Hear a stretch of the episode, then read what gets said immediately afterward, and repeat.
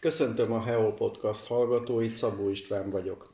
Ez alkalommal Kis Viktorral, Gyöngyös Tarján polgármesterével beszélgetünk a bő két hónappal ezelőtt történt árvíz kapcsán. Mint ismert, június 8-án emberéleteket is követelő példátlan méretű villámárvíz sújtotta Gyöngyös Tarjánt, negyed óra alatt addig elképzelhetetlen mértékű pusztítást okozva. Polgármester úr, azóta elkészülte már a hivatalos kárfelmérés. Sok szeretettel köszöntöm én is a hallgatókat. Igen, elkészült a kárfelmérés, szakértő végigjárta az árvíz elsújtott területet, és az összköltségvetés, hát az igen magas lett, az 1,9 milliárd, és ez az összeg már magába foglalja a záportározó, a gát, az utak, a patakmeder teljes hosszának a, a újjáépítését, a hidaknak a, a felújítását, úgyhogy igazából ez az összeg is azért lett ekkora, mert ebben már újra, újjáépítésről beszélünk, hiszen itt akik itt voltak szakértők, mindenki azt mondta, hogy igazából felújítani nem nagyon tudunk mit, mert az árvíz annyira szétverte a patakmedret, a gátat, az áportározót, az utakat, hogy igazából nincs, amit felújítsunk, tehát újjáépíteni kell egy-egy szakaszt meg. Hát a 1500 méteres patakmederhozból több mint 1000 métert újjáépítésre vett fel a Viszmajor Bizottság is, tehát annyira nagyok a károk. Igen, ezt kérdezni is akartam, hiszen az újjáépítésre nyilván egy önkormányzatnak nincs ennyi pénze.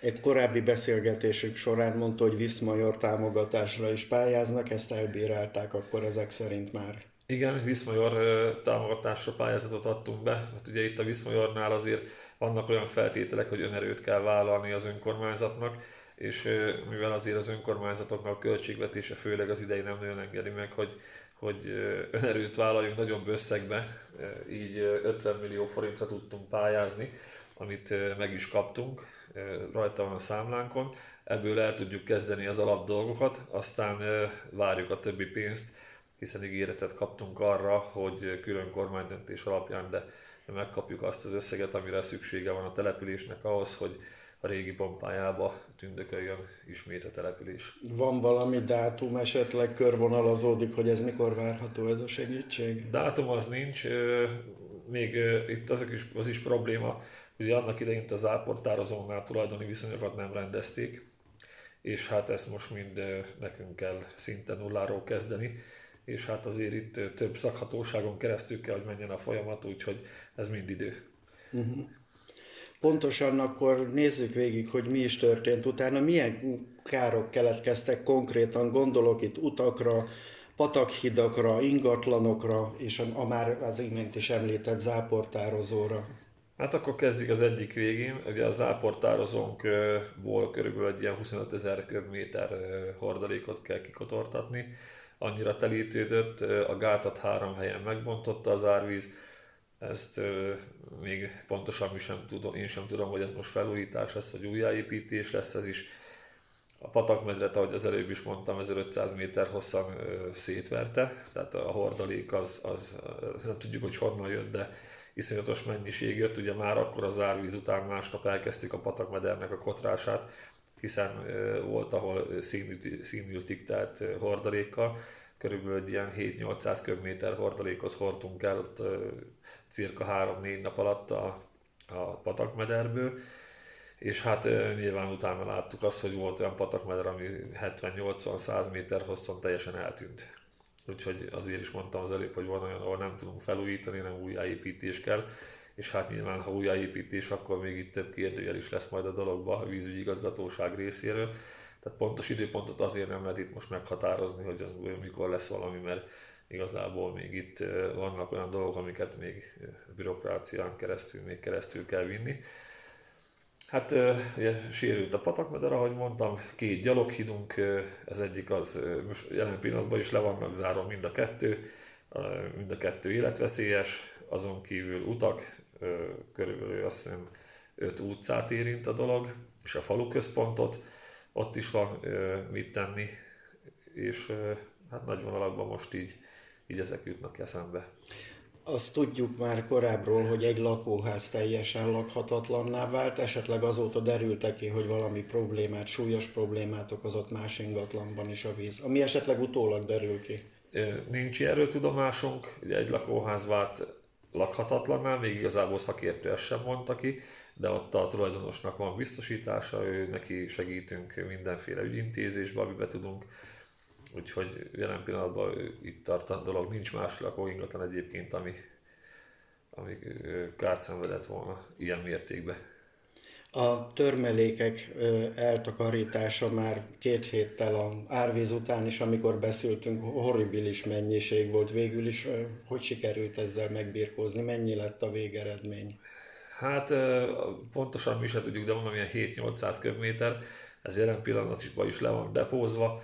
Most épp tárgyalások folynak a helyi bányával, hogy segítségüket kértem, hogy törjék le ezt az anyagot, mert másképp nem tudunk vele mit kezdeni. Aztán majd újra hasznosítjuk, akár útalapba, akár egyéb helyen, de most jelen pillanatban ott tartunk, hogy ezt valahogy el kell tüntetni, ezt a mennyiséget. Korábban beszéltünk arról is, hogy a patakmederből nem lehet géppel kiszedni a hordalékot, mert eltűnt a meder maga, és nincs hova álljanak a gépek. Ezt hogy sikerült megoldani? Jelen pillanatban még ezt sem tudtuk tehát... megoldani, tehát azóta is hozzáférhetetlen két olyan helyszín van. Hát ez majd csak akkor fogjuk tudni, amikor tényleg elkezdődik az újjáépítés esetleg, mert akkor fogunk tudni hozzáférni a dolgokhoz, olyan területekhez. Az anyagi kár mellett egy kicsit a lakosságra is rátérve, a kárt szenvedett lakosoknak gyűjtés kezdődött már korábban is. Mi az, amire még szükség van, és milyen keretek között folyik a gyűjtés, hogyha valaki segíteni szeretne? Hát az önkormányzatunk ugye a, a árvíz után gyorsegéként az érintetteknek 100 forintot biztosított mindenkinek. Ezen kívül nagyon sokan megkerestek minket, cégek, magánszemélyek, hogy akár anyagi, akár egyéb tárgyi eszközzel tudnának segíteni. Volt olyan cég, aki kimondottan úgymond pántlikázott pénzt adott, hogy kimondottan például nálunk ugye megsérült önkormányzati tulajdonban műfüves pálya, és mivel a cég támogatja azokat az ön, ilyen esetben az önkormányzatokat, és sok gyereket érint, sok fiatalt érint, felnőttet, így annak a felújítására adott 3,5 millió forintot. Nagyon sok magánszemétől kaptunk támogatást, ugye a önkormányzat létrehozott kimondottan egy olyan bankszámlaszámot, amire egyébként lehet utalni a támogatásokat.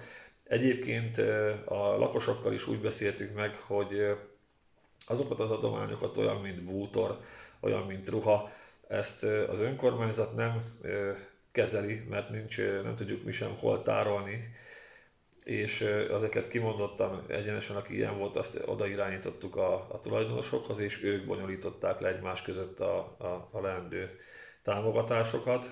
Egyébként nagyon sok adományt kaptunk, hideg élelmiszer, tartós élelmiszer, ásványvíz, ezeket pedig a, a Szociális Bizottság és a helyi Caritas vezetése közösen összeállították a csomagokat és kiszállították a érintettekhez. Uh-huh. Tisztítószereket, minden egyéb dolgot. Ez a bankszámlaszám, ez most is él, gondolom, és megtalálható a község weboldalán? Igen, megtalálható, és jelen pillanatban is él a bankszámlaszám. Uh-huh. Szerencsére úgy tűnik, hogy azért az élet visszatért a faluba, hiszen a hétvégén szüreti felvonulás is lesz, ami nyilván egy kis gyógyír is a, a sebekre.